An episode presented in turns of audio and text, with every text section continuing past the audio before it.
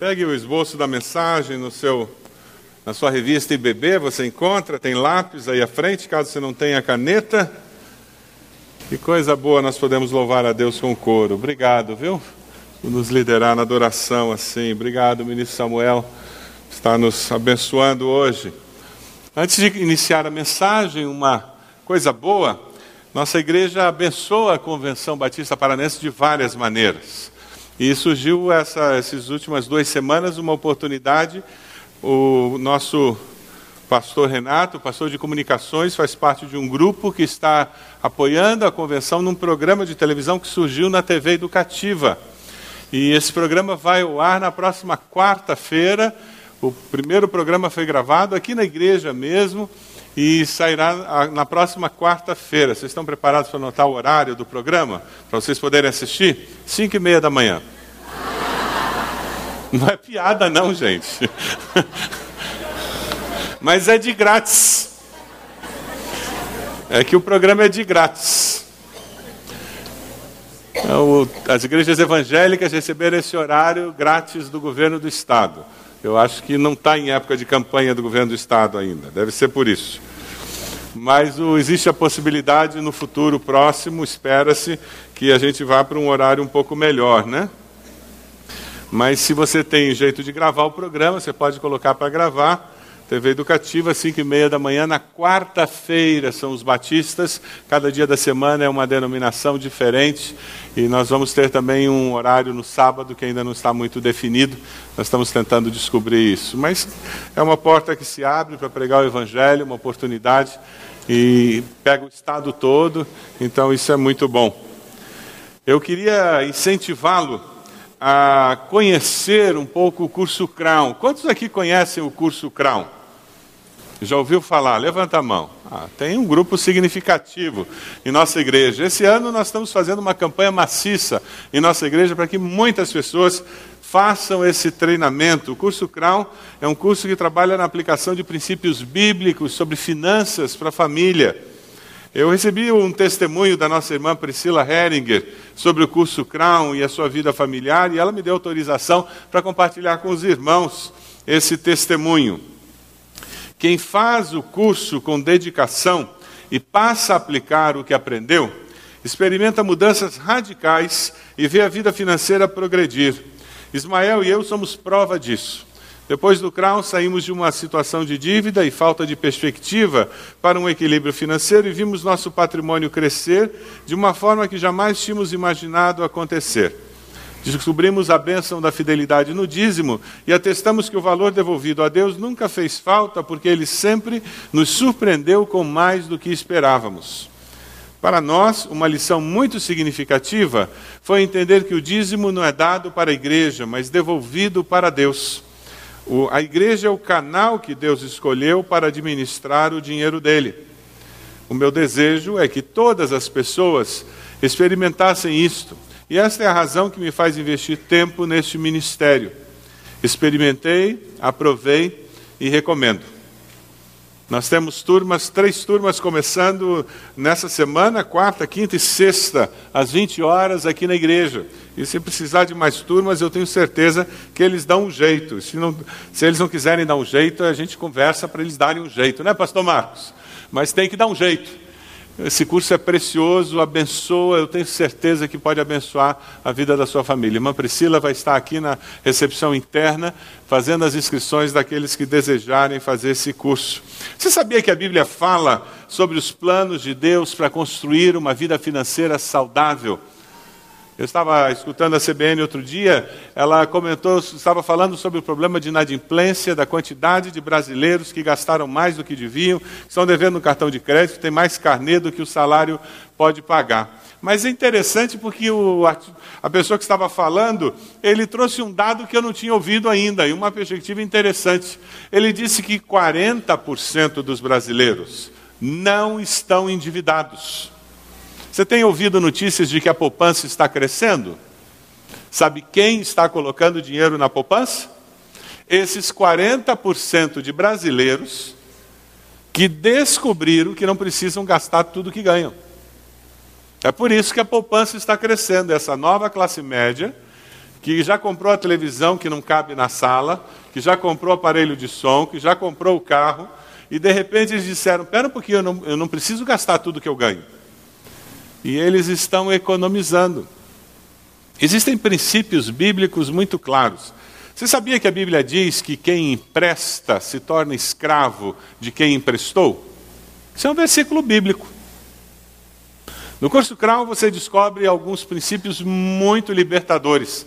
Eu mesmo já fiz, os pastores da igreja já fizeram o curso Crown, eu quero recomendar que você faça. Deus planejou tudo para que a sua família viva com liberdade financeira, que o dinheiro não seja um tormento, mas seja uma ferramenta útil para ajudar. Deus é sábio e ele planejou também que a sua igreja tivesse esse tipo de experiência.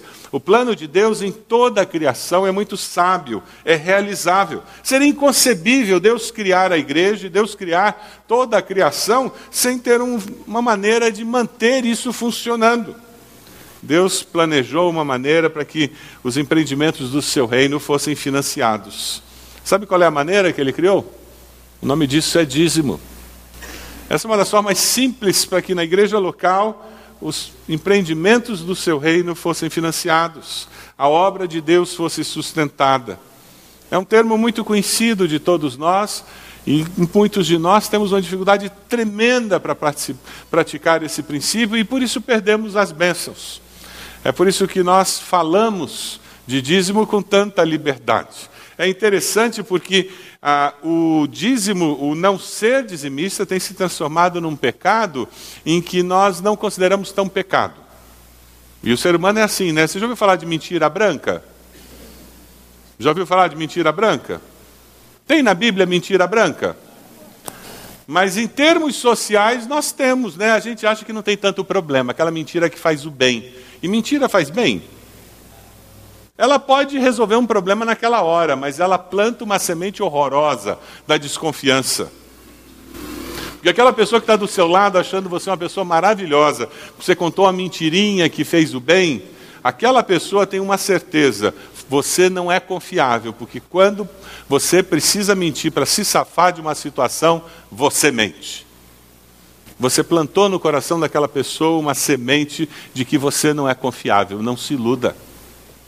É por isso que a Bíblia fala que o nosso falar deve ser sim, sim, não, não. É interessante porque quando nós entendemos que ser dizimista é projeto de Deus e que não ser dizimista é pecar contra Deus, aí fica mais fácil nós assumirmos alguns compromissos com Deus e nós conversarmos com pessoas que estão pecando contra Deus. Aí algumas pessoas dizem, mas dízimo não é coisa do Velho Testamento? Já ouviu isso de alguém? Alguém já ouviu isso?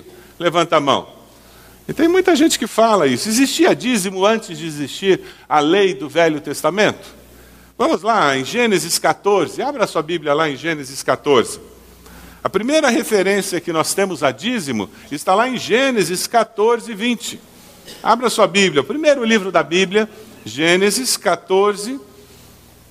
Nós vamos encontrar Melquisedeque no versículo 18, rei de Salém sacerdote do Deus Altíssimo, trouxe pão e vinho, abençoou Abraão, dizendo: Bendito seja Abraão pelo Deus Altíssimo, Criador dos céus e da terra. Veja o versículo 20. E bendito seja o Deus Altíssimo que entregou seus inimigos em suas mãos. E Abraão lhe deu o dízimo de tudo. Abraão lhe deu o dízimo de tudo. É interessante porque você não encontra referência nenhuma à lei em Gênesis. Ali naquele, não existia, não existia povo de Israel ali. Não existia povo judeu. Mas já existia dízimo. Você vai encontrar lá em Hebreus uma referência a, a esse fato: Abraão lhe deu o dízimo de tudo. Considere a grandeza desse homem, até mesmo o patriarca Abraão lhe deu o dízimo dos despojos. É, é, interessante porque no Novo Testamento aparece uma referência sem condenar esse fato. Pelo contrário, mostrando que era um fato verdadeiro, válido e digno de honra. A lei só passa a existir após as doze tribos existirem. A lei vai ser recebida no deserto. É interessante porque aquelas pessoas que tentam dizer que dízimo é coisa do Velho Testamento, elas estão tentando fugir de um projeto de Deus e elas usam as escrituras de forma inadequada. Dízimo não é prática da lei, mas é a prática dos que servem a Deus. E ali Abraão, que servia a Deus, já era um dizimista. Por quê? Porque tudo pertence ao Senhor e deve ser entregue a Ele, inclusive o meu dízimo. Vamos ler juntos o texto de Levítico? Todos os dízimos, vamos juntos? Todos os dízimos da terra, seja dos cereais, seja das frutas, pertencem ao Senhor, são consagrados ao Senhor. E daí você vai encontrar Malaquias, já com uma palavra um pouco mais dura com relação a pessoas que não tinham aceito essa palavra de Deus. Vamos ler juntos Malaquias? Pode um homem roubar de Deus? Contudo, vocês estão me roubando. E ainda perguntam: como é que te roubamos? Nos dízimos e nas ofertas. Vocês estão debaixo de grande maldição, porque estão me roubando. A nação toda está me roubando. Você tem roubado a Deus? Você tem roubado a Deus? Você tem ficado com o que é do Senhor? Alguém falou com muita propriedade que nós não damos o dízimo, não pagamos o dízimo. Na realidade, Deus nos, nos entrega 90% do, do que é dele, porque tudo é dele. E ele diz: administre isso para pagar suas contas. Malaquias 3,10, que é o texto mais conhecido com relação a dízimo, nos diz, vamos ler juntos? Tragam o dízimo todo ao depósito do templo, para que haja alimento em minha casa. Ponham-me à prova, diz o Senhor dos Exércitos, e vejam se não vou abrir as comportas dos céus e derramar sobre vocês tantas bênçãos que nem terão onde guardá-las. É interessante porque ah, Deus dá uma ordem, dá uma orientação, ele fala para trazer no templo, por quê? Os levitas naquela época, eh, eles não tinham direito à terra, eles não tinham direito a nada, e, e eles traziam ao templo, e como era uma teocracia, os impostos também eram trazidos no templo. Por isso que eles tinham tantas cornetas, tantos lugares para receber, e as pessoas vinham no templo, eles entregavam várias ofertas. E dentre uma delas eram os dízimos, e aqueles dízimos eram usados para o sustento do trabalho ali no templo. O restante do que era entregue era levado para sustentar o que hoje os impostos supostamente deveriam fazer. O dízimo, na realidade, ele é usado para fazer com que a obra de Deus aconteça. Uma aplicação para os dias de hoje é o que a igreja local faz acontecer a partir da igreja local. Você tem entregue o seu dízimo. É por isso que nós não administramos o dízimo. E você conhece gente que diz assim: ah, não, eu entrego parte do dízimo para esse pobre, outra parte para aquele, para aquele missionário, aí a outra parte eu decido o que, que eu vou fazer com ela. A, a chance de nós experimentarmos vida comunitária também passa pelo dízimo, porque nós entregamos o dízimo e nós participamos do processo da utilização daqueles recursos, participamos do processo de decisão, participamos do processo de utilização.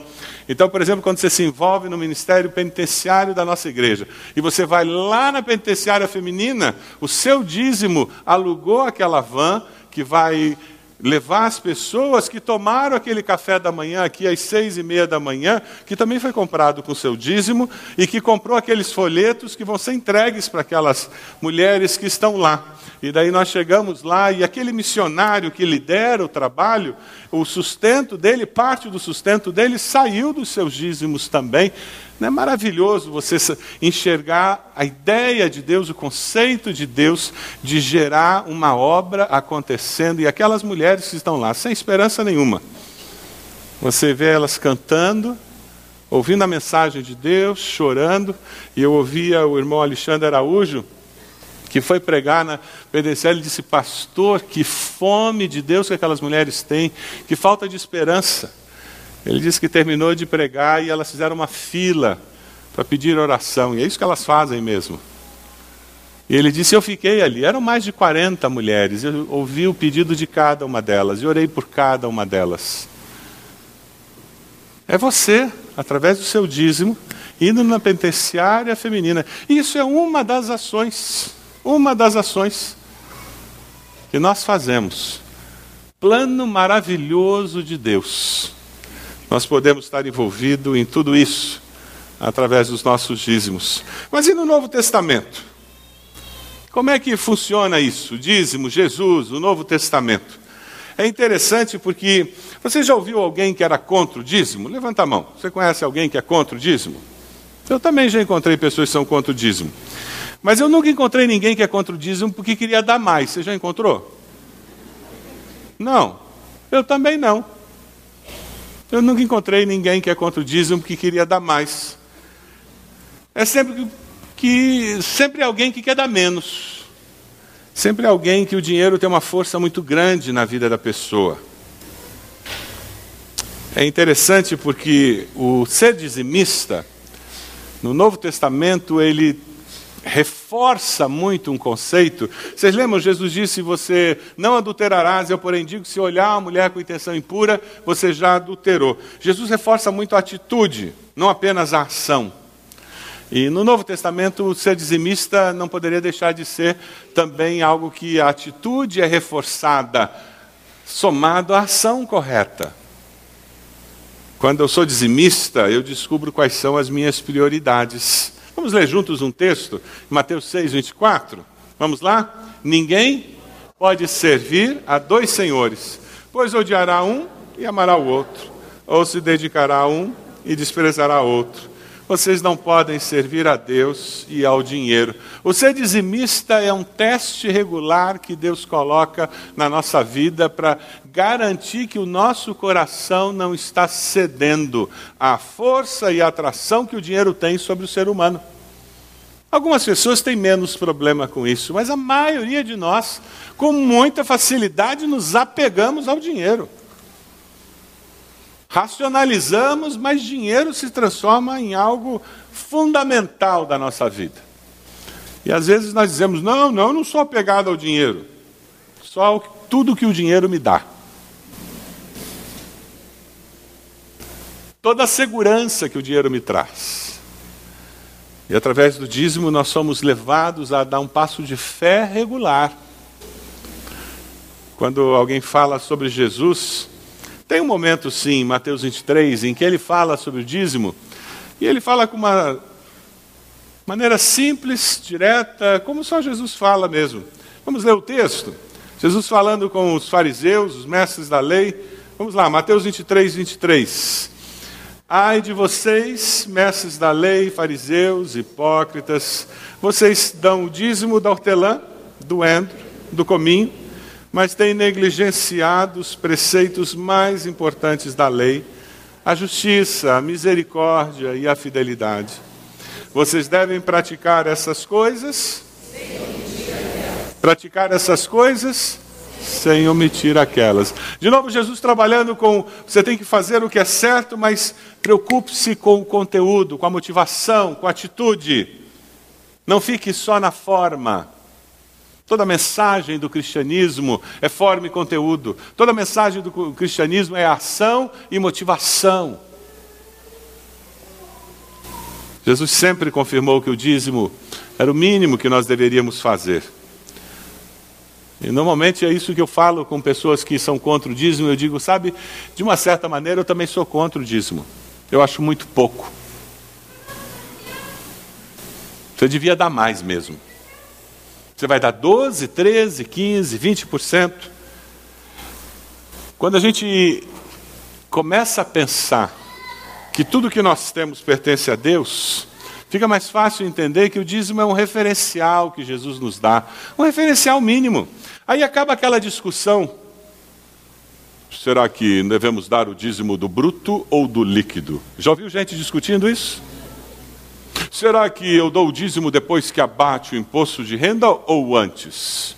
Depois que abate o INSS ou antes? Não, porque veja, o INSS, depois quando eu me aposentar, eu estarei recebendo o salário do INSS, que vou dar dízimo. Então eu não devo entregar o dízimo agora do recolhimento do INSS.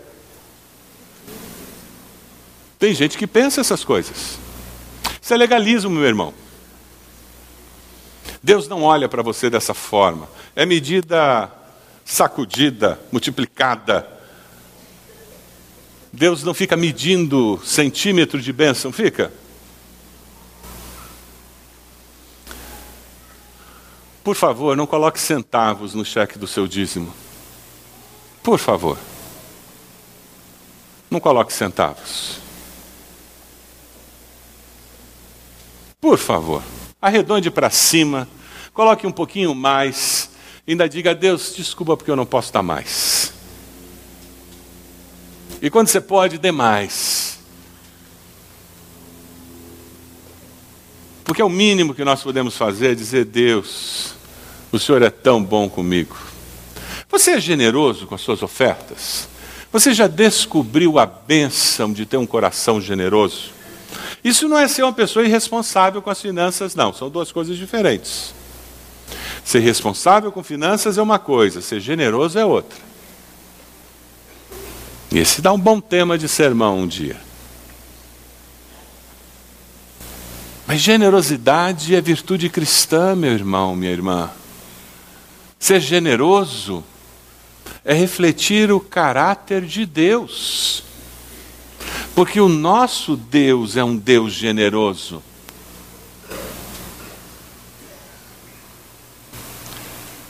Quando nós entramos nessa área financeira, é tão importante nós nos lembrarmos que o caráter, a imagem de Cristo está sendo formada em nós. Então, quanto mais parecidos com Cristo nós nos tornamos, mais liberdade nós temos para lidar com essas questões financeiras como ele lidaria. Nós vivemos no século 21. Nós não vivemos mais numa sociedade rural, não é verdade?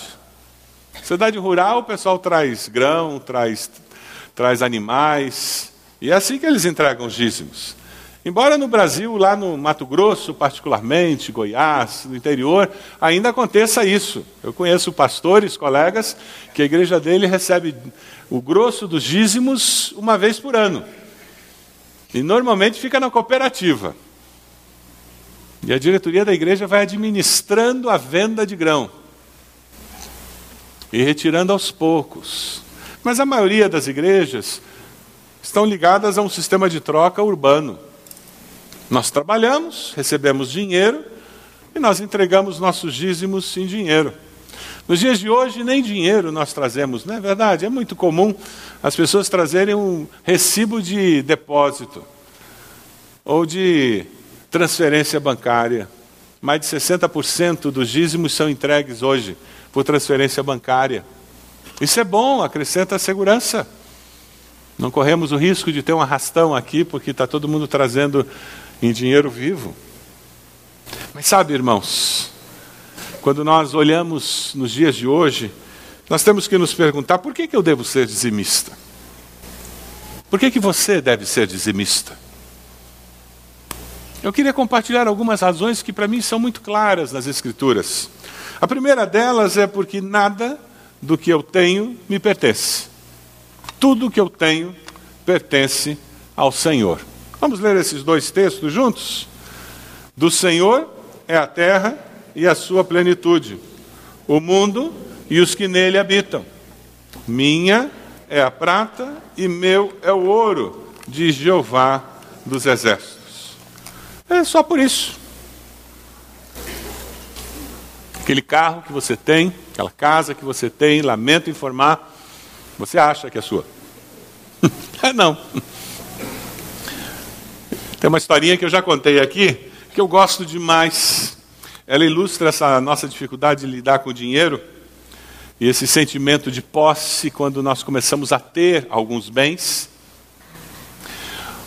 Um irmão de uma igreja ganhava salário mínimo. Aquela luta para pagar as contas, e quem ganha salário mínimo não vive de salário mínimo. Ele sempre faz uma porção de bicos em volta. Tem um salário informal que complementa a renda. E um dia ele procurou o pastor e disse: Pastor, eu não aguento mais. É muita miséria, muita desgraça. Eu queria que o senhor orasse por mim. Eu sou dizimista fiel, mas eu não progrido profissionalmente, financeiramente. Eu, eu preciso melhorar. Eu tenho umas ideias de negócio, mas eu não consigo ir para frente. E o pastor orou para aquele irmão, pedindo que Deus abençoasse a sua vida financeira. E Deus abençoou a vida financeira daquele irmão. E aquelas ideias de negócio que ele teve deram certo, e ele se transformou num empresário muito bem sucedido. E de repente aquele dízimo dele, que era um dízimo pequeno, de salário mínimo, se transformou num dízimo que era mais da metade da entrada financeira da igreja. Um valor muito grande. E ele convidou o pastor para vir jantar na sua casa, na casa nova, uma mansão. Ele agora estava muito bem de vida. Depois do jantar, ele disse: Pastor, o senhor lembra aquele dia que eu lhe procurei, aflito, cansado de não ganhar bem, de ter uma dificuldade financeira? O pastor disse: Claro, e como Deus lhe abençoou, né, irmão? Impressionante. Pois é, pastor. O senhor tem visto a situação financeira da igreja? Hoje o meu dízimo é mais da metade da entrada financeira da igreja, pastor. O pastor disse: é verdade. O irmão tem sido fiel ao compromisso de ser dizimista. O irmão tem nos abençoado muito. Ele disse: Pois é, pastor, mas é um absurdo. É muito dinheiro que eu estou entregando todo mês. É muito dinheiro. Eu chamei o senhor aqui para o senhor fazer uma oração, desfazendo aquele trato que eu fiz com Deus. Eu vou continuar entregando ofertas, eu vou continuar ajudando a obra do Senhor, mas o dinheiro que eu estou entregando é muito dinheiro, pastor. O pastor ficou em silêncio, olhando para aquele irmão, olhou em volta para aquela casa bonita que ele tinha agora. E Deus deu uma resposta para aquele pastor, que é a resposta que só Deus dá mesmo. O pastor olhou para ele e disse: Olha, meu irmão, orar para Deus, desfazendo um pacto que o irmão fez com Deus, isso eu não posso fazer. Mas eu posso orar pelo irmão. É mesmo, pastor? Posso. Já que o irmão está tão incomodado com esse volume imenso que é o seu dízimo, eu posso orar pedindo a Deus que ele faça o seu dízimo ser como era antes. Não, pastor, para com isso, que é isso? Não, eu posso orar pedindo que Deus reduza o seu salário e faça o irmão ter aquela condição financeira que o irmão tinha antes. Quem sabe o irmão não vai ficar aflito de entregar o dízimo. Para alguns de nós, progredir financeiramente vira um tormento na área espiritual. Porque a gente começa a olhar o valor que a gente entrega como dízimo e começa a achar que é grande demais. Ao invés de agradecer a Deus pelo privilégio de poder estar dando um, entregando um dízimo daquele tamanho. Você tem sido fiel nos dízimos, reconhecendo que se você hoje tem um dízimo grande é por graça e misericórdia de Deus? E feito isso com alegria, dizendo: Deus, o Senhor é bom demais. Imagina quando eu ia pensar que eu ia poder estar entregando um dízimo desse tamanho. Louvado seja Deus, que eu posso fazer isso. Que privilégio. Entrego um dízimo desse tamanho e não estou passando necessidade. Pelo contrário, ainda estou sendo abençoado pelo Senhor. Amém?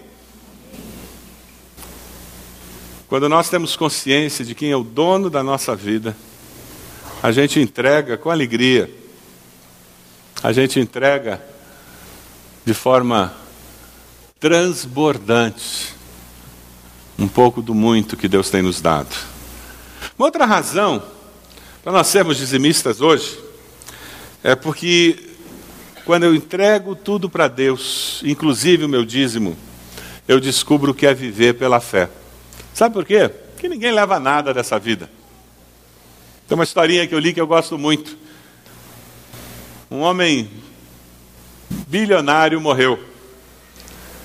A imprensa foi procurar seu contador e perguntaram ao contador: quanto ele deixou? O contador deu um sorriso e respondeu: Tudo. E ficou um silêncio. Quanto ele deixou? Tudo. Paletó de defunto tem bolso? Carro fúnebre tem caminhão de mudança atrás?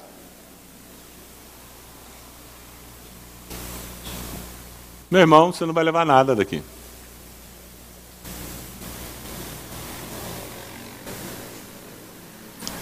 Como que você tem está impactando as próximas gerações?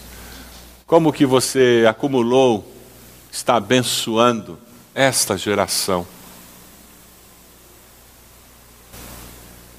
Lembra da história da viúva pobre, lá em Lucas 21, de 1 a 4? O templo eram cornetas de metal, as pessoas chegavam com moedas e jogavam, e eles eram espertos. Eles não jogavam, não, não, eles jogavam. Sabe por que, que eles jogavam? Porque assim a moeda descia pela corneta circulando. Corneta de metal, era um funil de metal, adivinha o que acontecia? Uma barulheira danada. Para todo mundo saber que eles estavam dando muito. No momento do ofertório era assim. Aqueles fariseus, aqueles religiosos, e eram vários funis de metal. Então eles chegavam e aquela barulheira. Jesus com os discípulos, vendo tudo aquilo. Aí chega a viúva. A Bíblia diz que ela colocou quantas moedas? Uma. E ela não pôs em todas as cornetas. Ela foi na corneta do dízimo, na corneta da oferta para o templo. Plim, plim. Foi só isso. Era a menor moeda, como se fosse uma moedinha de centavo. Plim, plim. Jesus aproveita aquele momento ensinável, vira para os discípulos e diz: Vocês viram isso? ela deu a maior oferta. Por quê? Os outros deram do que sobrava. Ela deu tudo que ela tinha. Ela se deu. Eu expresso a minha fé através da dedicação da minha oferta. Por quê? Porque a vida não consiste na abundância de bens que eu tenho. Vamos ler juntos Lucas 12, 15? Então lhes disse: Cuidado, Fiquem de sobreaviso contra todo tipo de ganância. A vida de um homem não consiste na quantidade dos seus bens. Dinheiro não é o importante para Deus, é o seu caráter. Dízimo é o grande antídoto divino contra a avareza, contra o amor ao dinheiro. É o termômetro para saber se o seu coração está no lugar certo. É por isso que Deus coloca a gente à prova todo mês. Saber se seu coração está no lugar certo. Se você vacila é porque o dinheiro está com um lugar mais importante do que devia na sua vida. A fonte de segurança na sua vida não está na rocha eterna que é Jesus. O dízimo é o meio escolhido para você regularmente dar um passo de fé, renovando o seu compromisso com Deus. Você é um dizimista? Já que nada pertence a você, tudo que você tem é do Senhor, seria natural a gente dizer, Deus, que, que eu faço com isso? E ao ouvir Deus dizer, olha, entregue 10% ali no templo para ser usado, pegue 90%, pague a escola, pague o médico, compre comida, pague a prestação da casa, pague o aluguel. Troque aquele carro, teu carro está muito velho, compre um melhor. E Deus pede para você aprender a gerenciar aqueles recursos. E olha, e dê uma oferta para aquele missionário lá. Eles estão fazendo um bom trabalho naquele lugar. Manda, manda uma oferta para eles.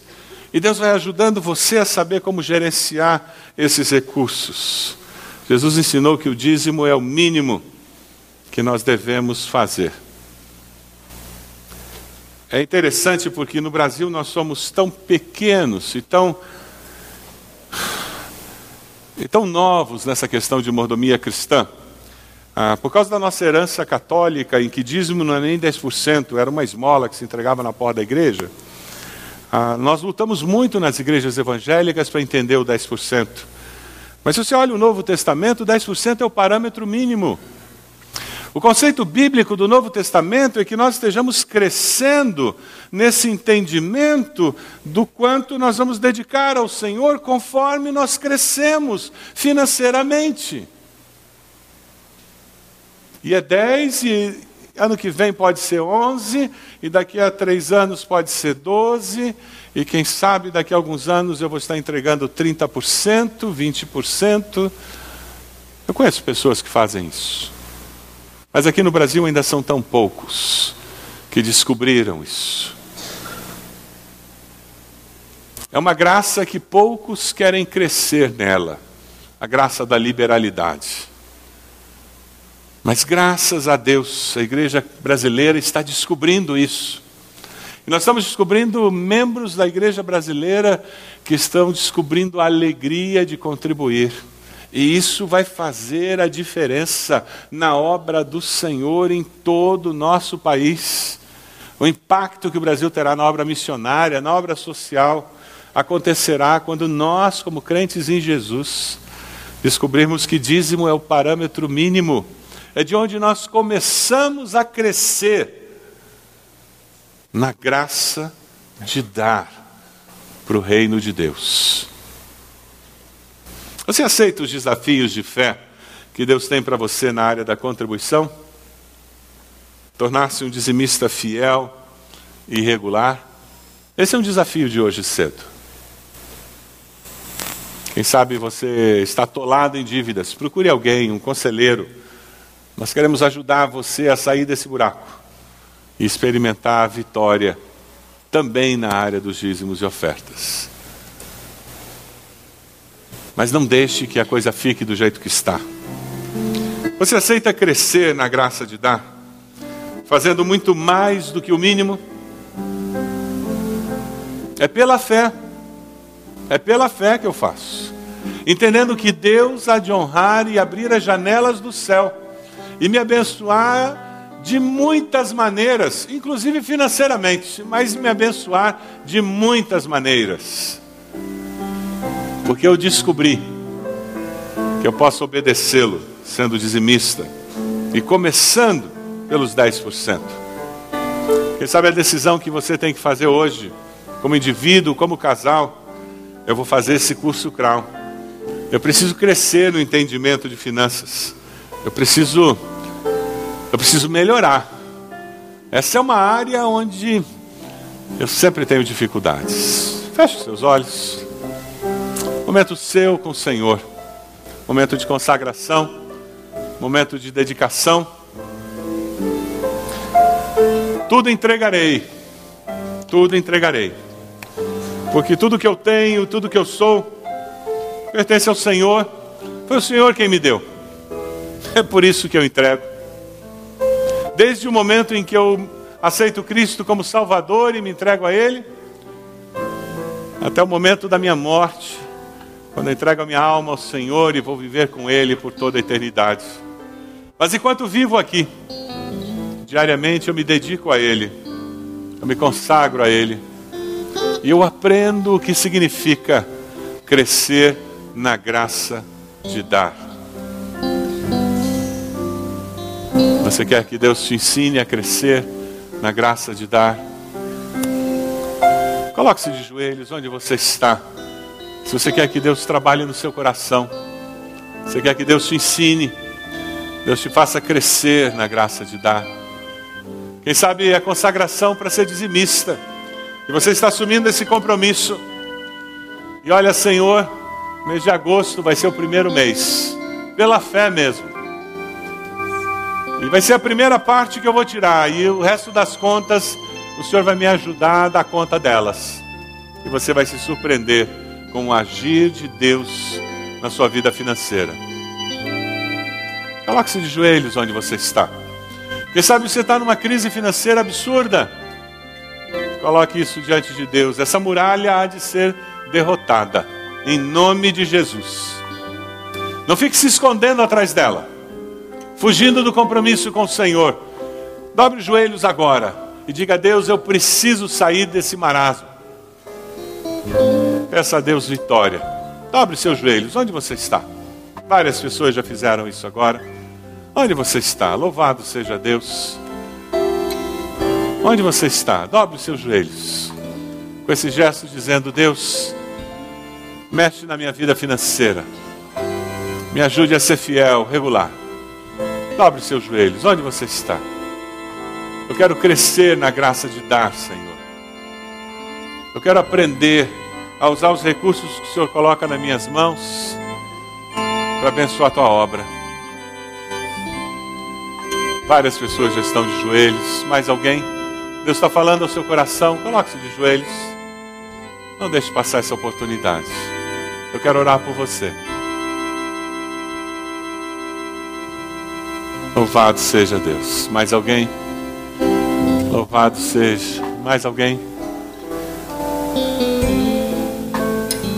Mais alguém? Deus amado, o Senhor está vendo seus filhos de joelhos, com o coração quebrantado pelo teu Santo Espírito, assumindo um compromisso contigo, clamando pelo mover do Senhor nas suas vidas. Ó oh, Deus bendito, nós clamamos em nome de Jesus. Nós te pedimos pela vitória que só o Senhor pode dar. Reconhecemos que o Senhor é dono da nossa vida, dono de tudo que nós temos. E é por isso que nós nos dedicamos de forma integral ao Senhor. Ó oh, Deus amado, louvado seja o teu nome.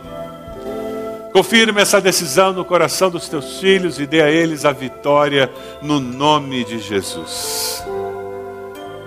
Ó Deus, nós queremos ser uma igreja, uma igreja que é dizimista, que com fidelidade, com regularidade sustenta a tua obra.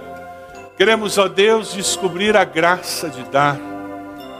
Queremos descobrir como é bom abençoar missionários, a obra que o Senhor realiza nos quatro cantos da face da terra. Queremos, ó Deus, agradar ao Senhor com as nossas vidas e com os nossos bens. É assim que nós oramos no nome de Jesus. Amém, Senhor.